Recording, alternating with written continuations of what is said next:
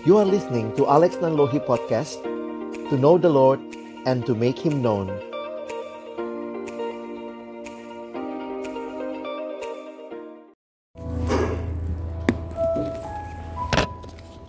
Mari kita berdoa, silakan duduk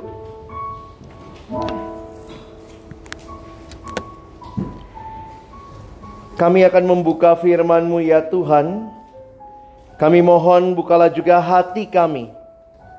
Jadikanlah hati kami seperti tanah yang baik. Supaya ketika benih firman Tuhan ditaburkan.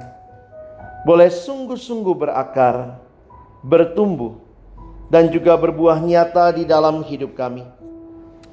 Ya roh kudus yang mewahyukan firman-Mu, roh yang berdiam di dalam diri setiap kami yang percaya Nyatakan kebenaranmu terjemahkan ke dalam pergumulan kami pribadi lepas pribadi. Waktu ke depan dalam pemberitaan firmanmu kami serahkan ke dalam tangan pengasihanmu di dalam nama Tuhan kami Yesus Kristus Sang Firman yang hidup kami menyerahkan pemberitaan firmanmu. Amin.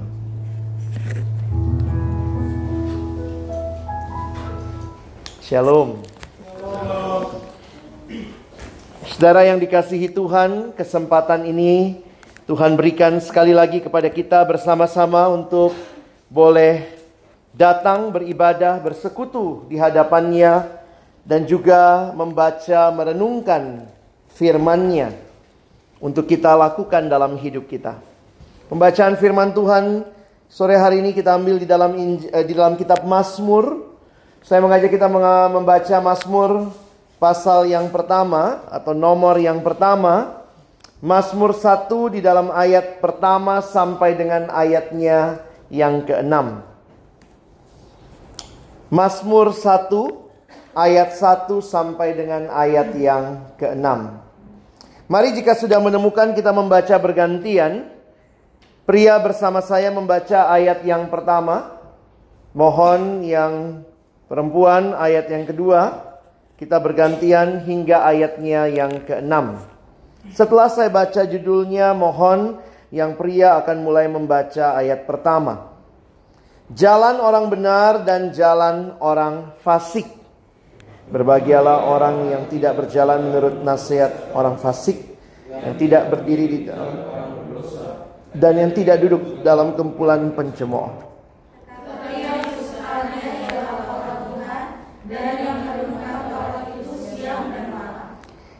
Ia seperti pohon yang ditanam di tepi aliran air, yang menghasilkan buahnya pada musimnya, dan yang tidak layu daunnya, apa saja yang diperbuatnya berhasil.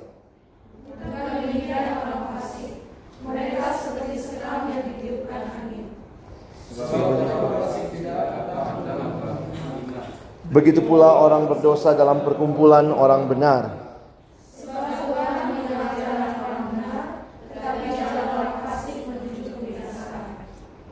Sedemikian jauh pembacaan firman Tuhan berbahagialah kita yang bukan hanya membaca, merenungkan tetapi juga melakukan dalam hidup kita. Saudara yang dikasihi Tuhan, sore hari ini kita melihat tema yang penting tentang spirituality, connecting to God. Bicara tentang spiritualitas, kita berbicara relasi. Relasi dengan Allah yang di dalamnya tentunya juga berdampak dalam relasi kita dengan sesama. Dan saya pikir hal yang menarik ketika membaca awal dari kitab Mazmur. Tentu tidak kebetulan kalau teman-teman melihat kitab Mazmur, Mazmur tidak disusun secara kronologis. Makanya kalau kita perhatikan banyak yang mengatakan memang Mazmur tidak tepat disebut pasal. Karena pasal itu biasanya 1, 2, 3 itu berurutan sehingga kita bisa menemukan itu dalam cerita, narasi, atau surat. Tetapi kalau kita melihat Mazmur lebih tepat disebut nomor. Karena di dalamnya kita melihat bagian demi bagian nampaknya dikompilasi begitu rupa. Seperti buku nyanyian kita. Mungkin ada lagu yang dicipta abad 18, eh adanya di Kidung Jemaat nomor 40 sekian. Lagu yang diciptakan lebih belakangan bisa ada di nomor yang lebih depan. Kenapa? Karena memang tidak dituliskan secara kronologis. Dan yang menarik adalah ada uh, para penafsir mengatakan bahwa tidak kebetulan nampaknya Mazmur 1 ditaruh paling depan. Memberikan satu gambaran dua macam kehidupan. Dan ternyata inilah yang harusnya menolong kita juga merefleksikan hidup kita di dalam relasi dengan Tuhan. Kalau saudara hidup saat ini, sering kali banyak hal dalam hidup kita didefinisikan dari apa? Dari apa yang kita capai. Wah itu udah S1, itu baru lulus. Oh dia masih skripsi. Nanti oh ini udah S2.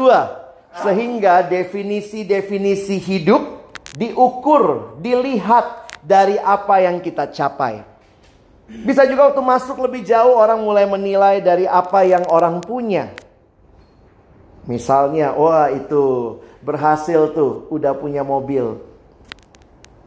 Wah, ini belum berhasil, masih naik angkot. Atau orang bisa lihat tuh udah mulai cicil rumah. Dan ada juga orang yang melihat keberhasilan hidup dari mana? Dia sudah menikah. Oh, yang ini masih jomblo sejati. Jadi akhirnya kadang-kadang kita melihat orang mencoba memberikan identifikasi identitas dari apa yang dimiliki, apa yang dicapai, apa yang mungkin juga menjadi impian orang tersebut. Tetapi Mazmur 1 menolong kita melihat bahwa ada hal yang sangat-sangat mendasar yang mendefinisikan hidup kita. Apa itu tema kita sore hari ini? Apakah saudara dan saya connecting to God or not? Jadi bukan bicara saudara punya apa, Saudara sudah apa? Saudara sudah menikah atau belum? Kalau menikah pun masih ditanya sudah punya anak atau belum? Tetapi pertanyaan yang mendasar, saudara dan saya terhubung dengan Tuhan atau tidak? Pertanyaan tentang spiritualitas. Relasi yang sangat utama yang men menjadi relasi yang mendivine our others relation in life. Dan saya pikir tidak kebetulan juga Mazmur ini. Sebelum berbicara berbagai pergumulan manusia dengan Allah, manusia dengan sesama, Mazmur menjadi curahan hati di hadapan Tuhan. Mazmur satu menjadi Mazmur yang mengawali melihat kehidupan. Hidup bukan hanya hal-hal kuantitas, tetapi ada hal-hal yang tidak terlihat secara kuantitas, secara fisik, secara materi, dan ini bicara relasi dengan Tuhan. Sehingga kalau saudara melihat bagaimana pemazmur memberikan gambarannya begitu indah dan menarik. Dia membandingkan, saudara lihat ayat yang pertama, yang dikatakan berbahagialah adalah orang yang ada tiga kali kata tidak muncul di situ. Tidak berjalan menurut nasihat orang fasik, tidak berdiri di jalan orang berdosa, dan tidak duduk dalam kumpulan pencemooh. Ini gambaran-gambaran kehidupan yang ada di sekitar kita. Ada orang-orang fasik, mereka yang tidak bijaksana, tidak berpegang pada Tuhan, ada orang berdosa, ada kumpulan pencemooh. Sementara di sisi yang lain kita melihat keterlibatan ini makin dalam. Ada penafsir yang mengatakan, coba lihat ya. Awalnya dibilang berjalan, berikutnya berdiri, lama-lama duduk. Mana yang lebih dalam terlibatnya? Berjalan, berdiri, atau duduk, saudara? Duduk itu berarti sudah ikutan di situ, ya. Itu gambaran puitis yang digambarkan. Inilah gambaran kehidupan manusia yang berbahagialah bukan orang-orang yang melibatkan diri di dalam ketidakbenaran, tetapi perhatikan ayat yang kedua. Tetapi yang kesukaannya ialah Taurat Tuhan dan yang merenungkan Taurat itu siang dan malam. Saudara, gambaran umat Allah terhubung dengan Allah adalah gambaran ketika Allah juga memberikan kepada mereka firman-Nya. Sebagai bangsa yang menerima firman dari Allah, inilah yang mereka pegang, mereka hidupi, dan itu tanda Allah berbicara kepada mereka. Mereka memiliki relasi dengan Allah yang pribadi. Sehingga kalau saudara perhatikan gambarannya di ayat yang ketiga. Ia seperti pohon yang ditanam di tepi aliran air, yang menghasilkan buahnya pada musimnya, dan yang tidak layu daunnya apa saja yang diperbuatnya, berhasil. Anak sekarang ada lagu apa itu ya? Uh, lagu persahabatan ya. Kau teman kuku temanmu kita selalu bersama. Seperti apa? Seperti mentega dengan roti. Nggak ada seleknya ya. saya kalau dengar lagu itu, saya pikir iya ya indah sekali gambaran mentega sama roti. Tapi jauh lebih indah, Alkitab banyak menggambarkan gambaran-gambaran yang hidup.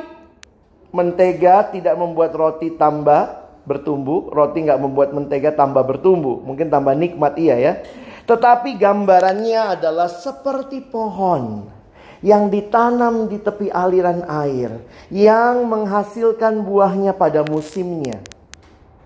Gambaran kita kalau ingat Palestina, mungkin belum ada dari kita yang menghayati dalam maksudnya ada mungkin dari kita yang sudah pernah ke sana mungkin pernah menghayatinya tapi bagi saya di tengah-tengah tanah yang tandus, ada pohon yang dekat aliran air, itu pasti akan sangat berbeda. Dan pohon itu digambarkan dengan bukan hanya ada, tapi bertumbuh. Bukan hanya bertumbuh, tetapi juga berbuah. Jadi ini satu gambaran kehidupan yang flourish.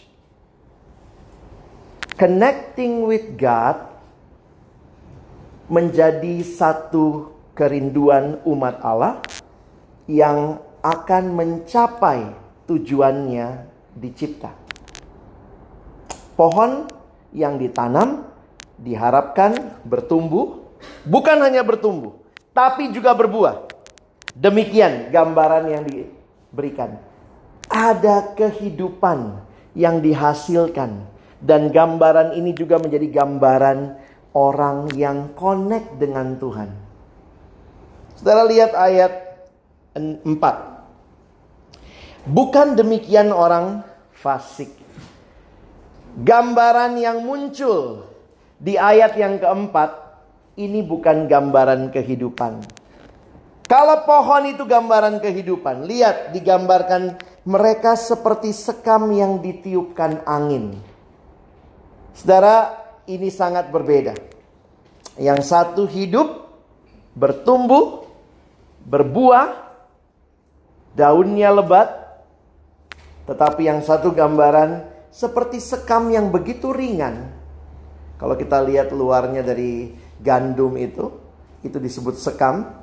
Nah biasanya bagi orang Israel pada waktu itu mereka menampi begitu rupa nanti kalau dilempar ke atas kalau ada angin maka sekam itu akan yang bulir yang ada isinya akan jatuh, yang sekam akan terbawa angin. Tidak ada isinya, saudara. Ringan sekali. Karena dia mati.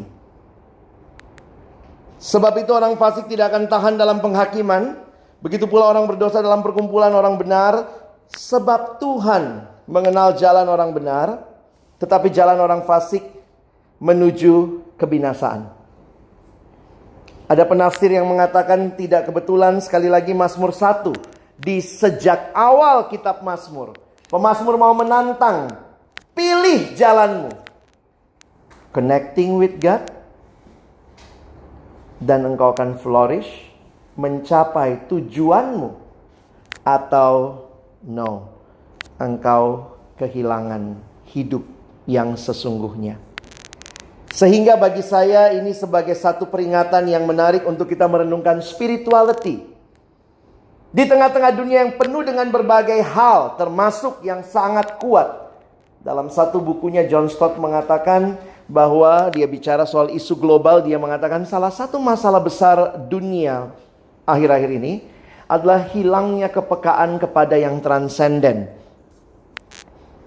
Pemahaman spiritualitas yang dikaitkan tanpa sadar hanya dengan materi.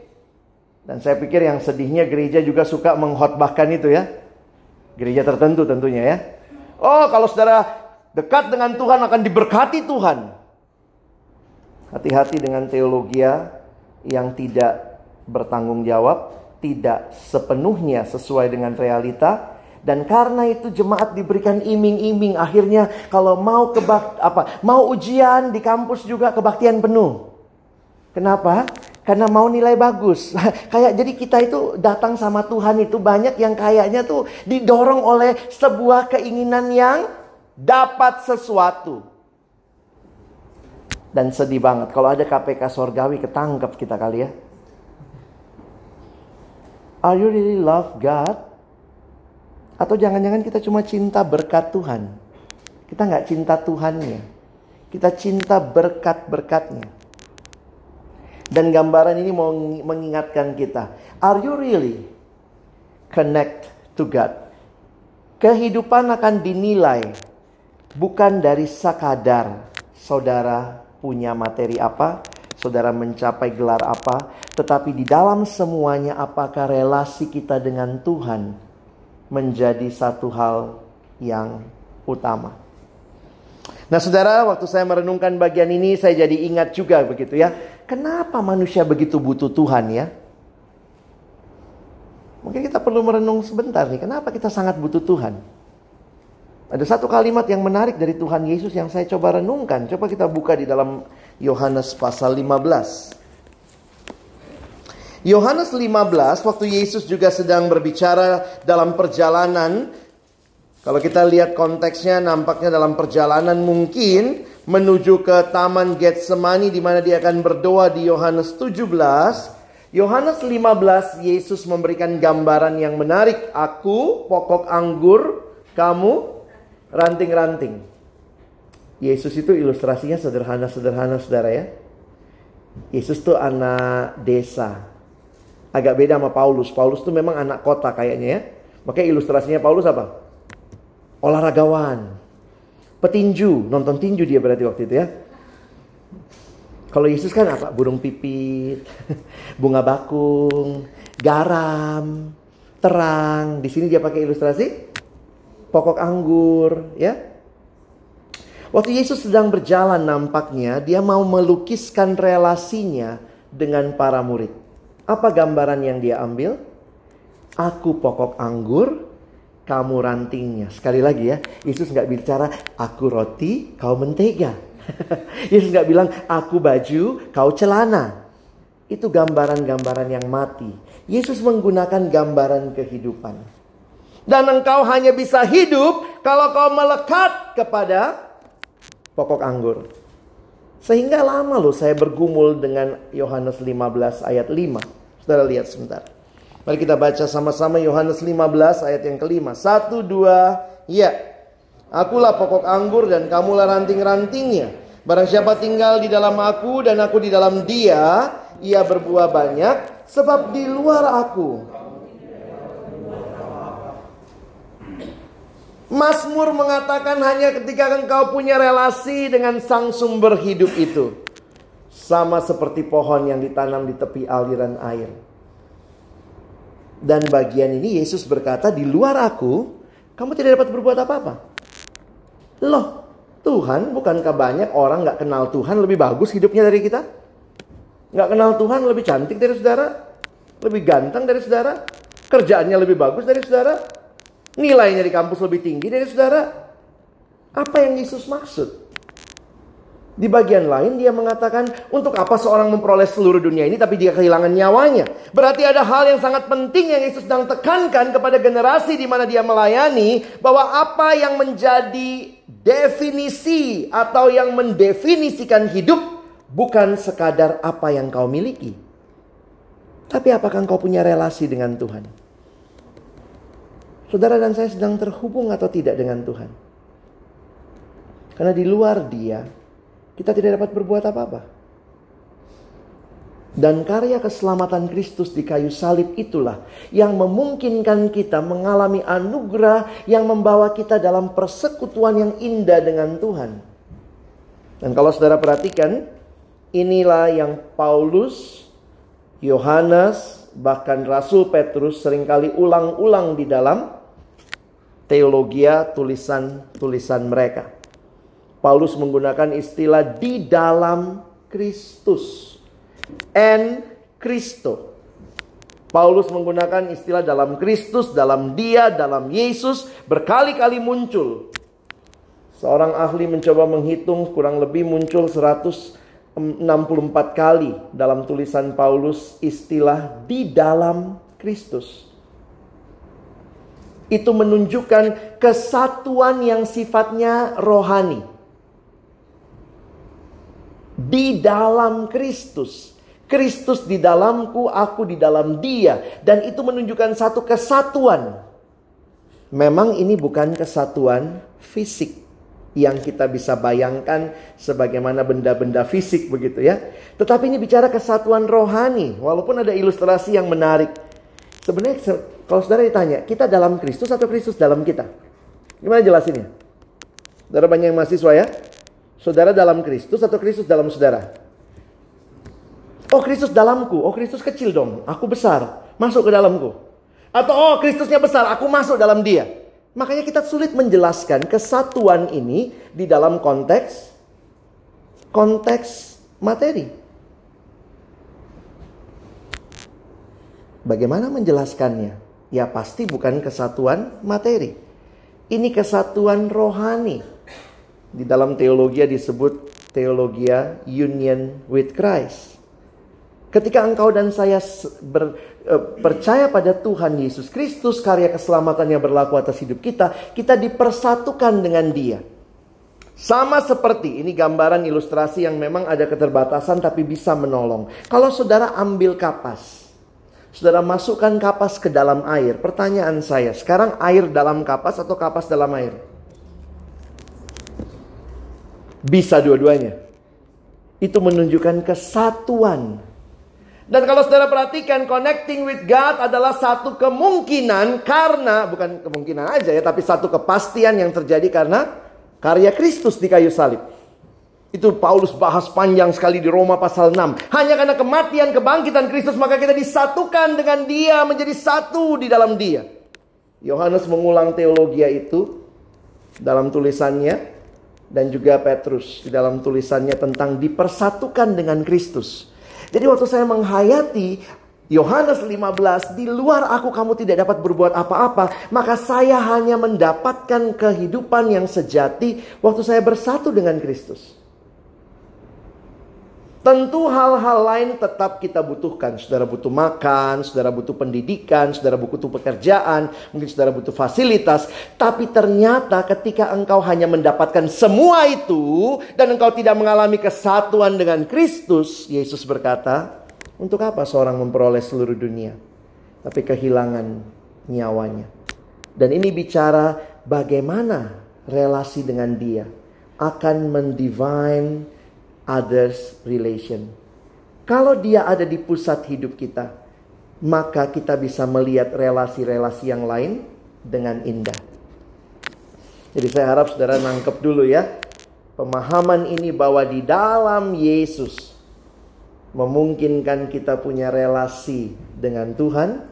Relasi itu sifatnya kekal, dikerjakan oleh Allah melalui kasih karunia-Nya dalam Kristus dan kita ada di dalam Dia. Makanya Yesus bisa berkata, di luar aku, kamu tidak dapat berbuat apa-apa. Jadi hubungan dengan Tuhan itu hubungan. Dengar kalimat saya. Hubungan dengan Tuhan itu hubungan saudara, relasi. Jangan berpikir Tuhan itu seperti sebuah benda, lalu dia ada di sana, saya ada di sini, maka kadang-kadang kita connect, Kadang-kadang enggak connect. Tapi ini sebuah relasi yang intim. Dan saudara dan saya yang sudah mengalami keselamatan dalam Kristus. Kita memiliki relasi itu. Nah sekarang pertanyaannya adalah bagaimana menikmati dan mengalami relasi itu. Karena ternyata sebagaimana relasi manusiawi juga membutuhkan dipupuk, relasi butuh dibangun, maka relasi dengan Tuhan juga butuh dibangun. Saudara, saya coba mikir gini ya. Kalau Bapak Ibu, teman-teman ada yang sudah menikah, teman-teman paham yang saya maksud. bahwa yang namanya pernikahan itu bukan cuma sekadar saya sudah merit, selesai dia milik saya, saya milik dia, that's all. Ada kontraknya, ada apa surat nikahnya, ada akte pernikahannya, selesai. Apa itu pernikahan? Semua sudah. Saya dalam dia, dia dalam saya, dia di rumah saya, saya rumah dia, ini rumah kami bersama. Sudah selesai. Bukan itu sekadar. Tetapi relasi. Relasi itu butuh yang namanya komunikasi. Dan relasi yang butuh komunikasi itu relasi yang akan menumbuhkan saya makin kenal dia dan dia makin kenal saya. Itu namanya relasi. Nah karena itu pertanyaannya waktu orang bicara connecting dengan Tuhan, saya suka bingung juga. Kalau dia cuma bilang saya sudah dalam Tuhan, saya waktu kecil sudah dibaptis, saya sudah selesai, saya sudah ikut CD, saya sudah kata kesasi, that's all. Hidup rohani itu bagi saya bukan sekadar itu. Sama seperti pohon bukan asal numbuh, yang penting puji Tuhan sudah tumbuh, tapi pohon yang dimaksudkan adalah dia akhirnya akarnya merambat ke air, makin mengalami, makin bertumbuh dan dibuktikan dengan buah. Relasi itu harus bertumbuh, Saudara. Pahami dulu itu. Makanya seorang teman sampai bilang gini ya, "Iya ya Lex, mudah untuk kita jatuh cinta. Tapi yang sulit itu bangun cinta." Iya, bisa jadi quote bagus tuh ya. Gampang kok jatuh cinta. Ih cantik banget dia. Terus sudah selesai dua bulan, tiga bulan, pacaran setahun, dua tahun, tiga tahun, menikah selesai. No. Kehidupan pernikahan, salah satu definisi pernikahan yang saya suka adalah pernikahan adalah persahabatan seumur hidup. Dan apa yang terjadi dalam persahabatan itu? Kalau saya menikah sama pasangan saya dan saya tidak mau komunikasi, dia mau ngomong tidak ada waktu. Tapi Pak A nggak ada. Pokoknya kalau saya sudah kawinin kau, sudah kau milikku, aku milikmu. Selesai. Itu bukan relasi. Dia bukan barang, dia bukan benda. Dia pribadi. Dan karena itu, yang namanya relasi harus dibangun. Saya mau masuk poin ini supaya saudara tidak jadi legalistik ya. Nanti saya coba jelasin ya. Nah sekarang begini saudara. Kalau demikian, Misalnya, kalau saya nih banyak dikasih kesempatan traveling, pelayanan ke mana-mana, saya punya istri, gimana caranya tetap waktu saya traveling, misalnya saya harus jauh dari rumah, saya mengajar di STT, satu minggu saya ada di daerah, saya perlu nggak bangun relasi sama istri saya? Perlu. Caranya pakai apa? Pakai HP. HP-nya cukup HP harus ada SIM cardnya. harus ada pulsanya. Usaha juga ya relasi itu ya. Gile. Kalau saya cuma punya HP, tapi saya nggak pernah telepon istri saya. Jadi sebenarnya HP ini untuk apa? Nolong saya komunikasi sama istri saya.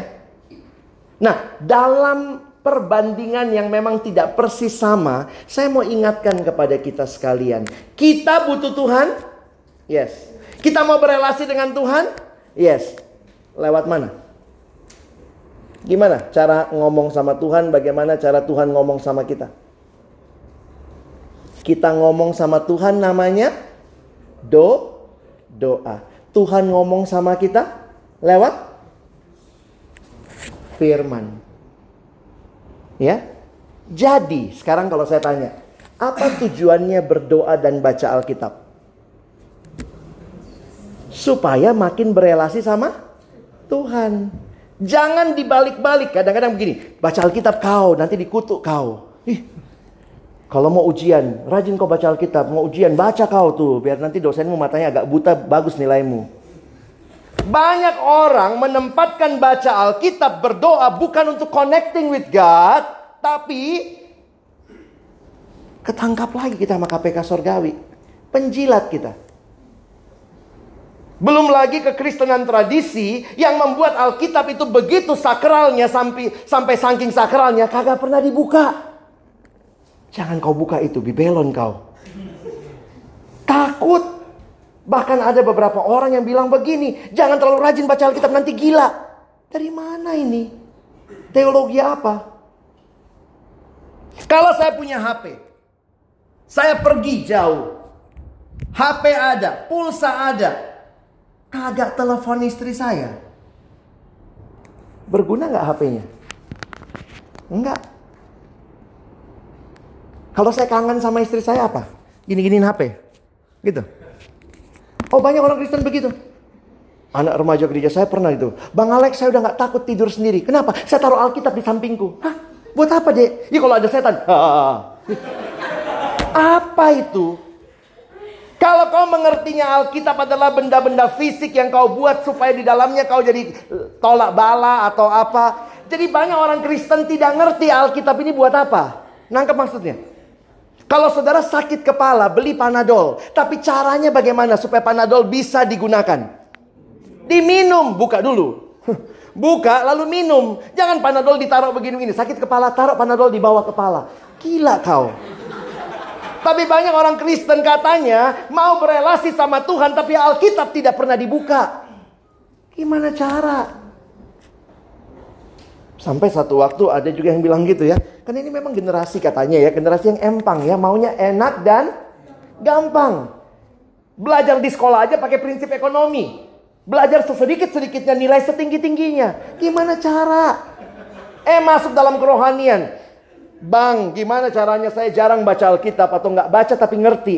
Ya gimana? Kalau kalian jadi Tuhan juga susah nolongnya. Kita itu kadang mempermainkan Tuhan ya. Coba gantian jadi Tuhan. Mau? Gantian sebentar aja. Kayak Bruce Almighty itu. Tuhan kasih saya kesehatan. Rokok jalan terus. Gimana cara? Tuhan juga bingung. Tuhan kasih saya pengertian terhadap Alkitab, tapi nggak mau buka. Itu sama kayak HP nggak dipakai, Panadol nggak dibuka, tapi mau sembuh. Saya udah jelaskan, kita tuh connecting sama Tuhan karena anugerah. Dia ada dalam kita, kita ada dalam dia. Tapi relasi itu harus bertumbuh teman-teman. Dan untuk bertumbuh Tuhan titipkan nih firmanku. Mau tahu aku bicara apa? Nih baca. Waktu kita baca, makanya saya harus katakan saya agak takut dengan kebiasaan orang saat teduh supaya tolak bala. Kenapa kau saat teduh tadi pagi? Biar hari ini aku lancar. Hah? Saat teduh itu apa?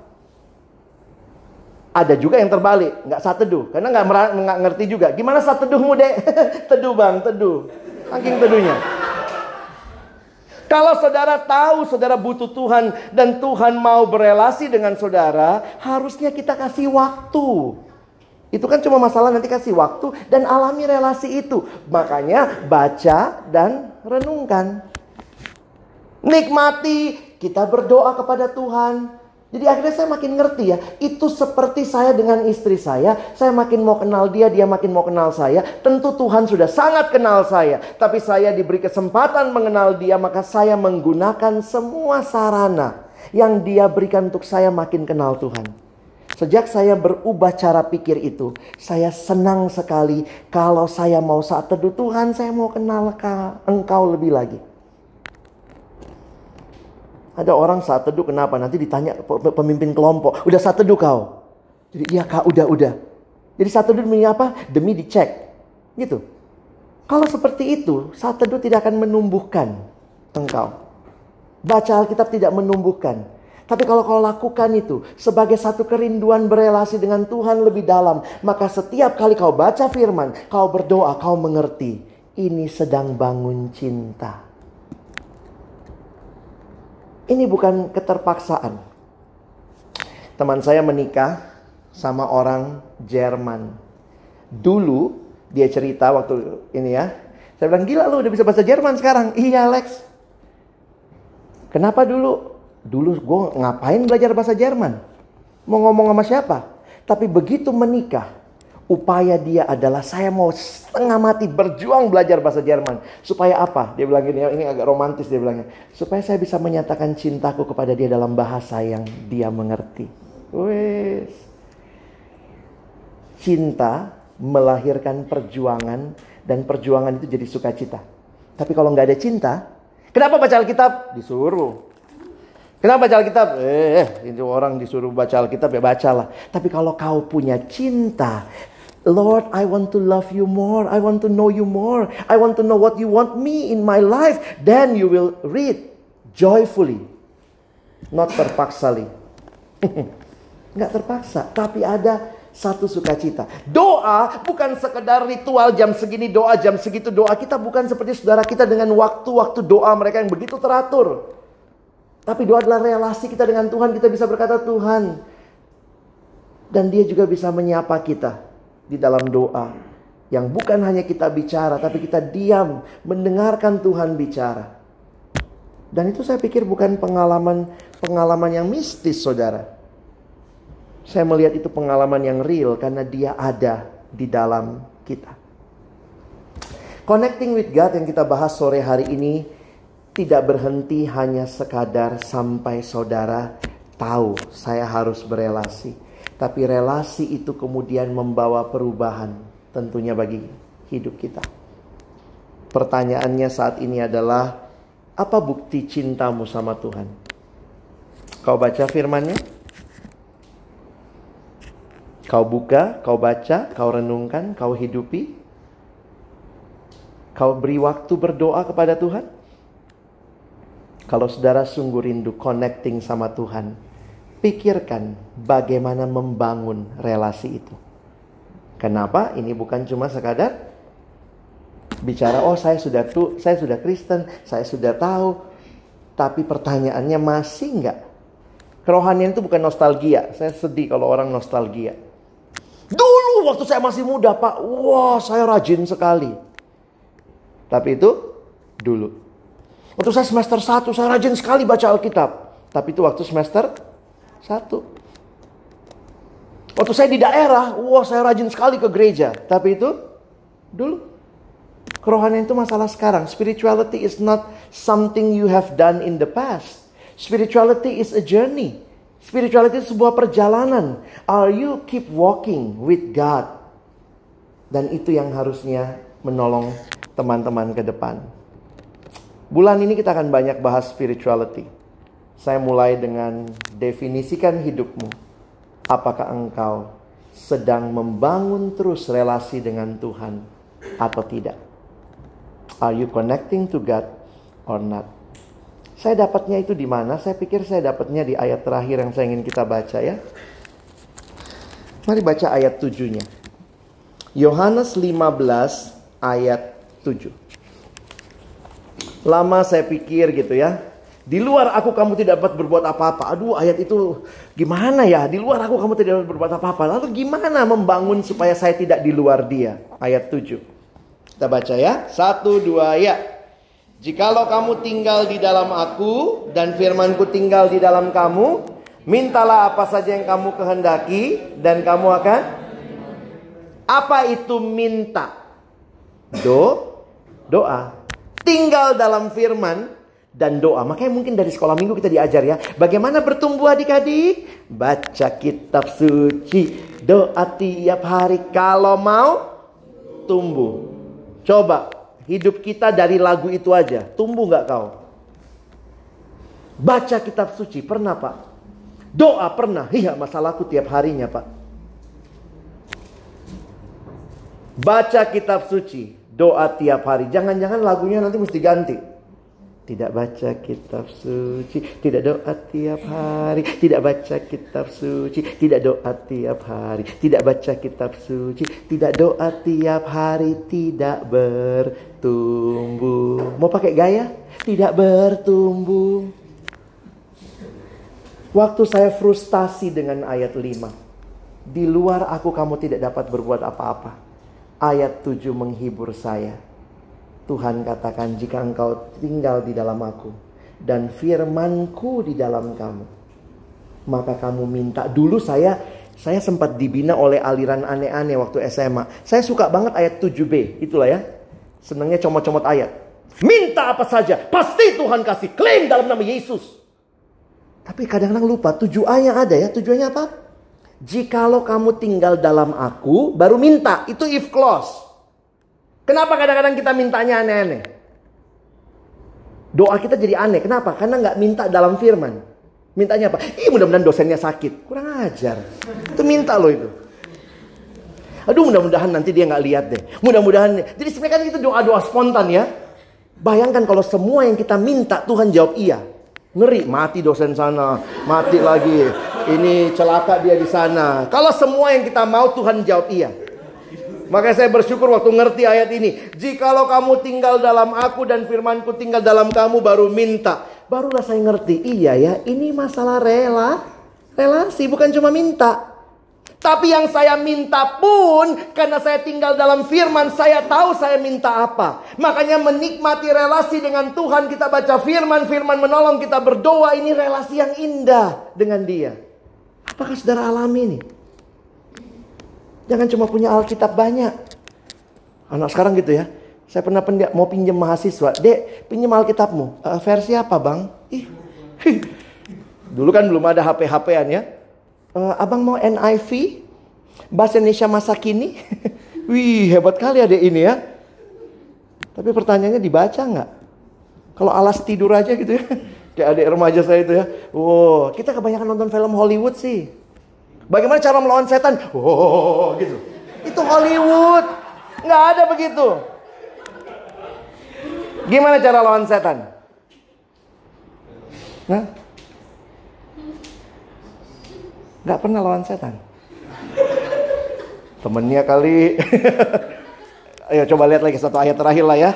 Oke, 1 Petrus 5. Lihat 1 Petrus 5 ya.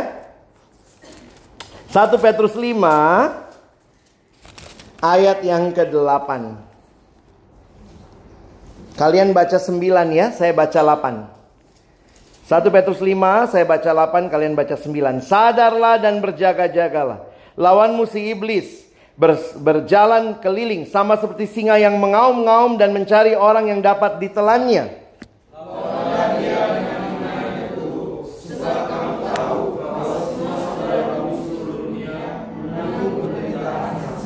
Gimana cara lawannya?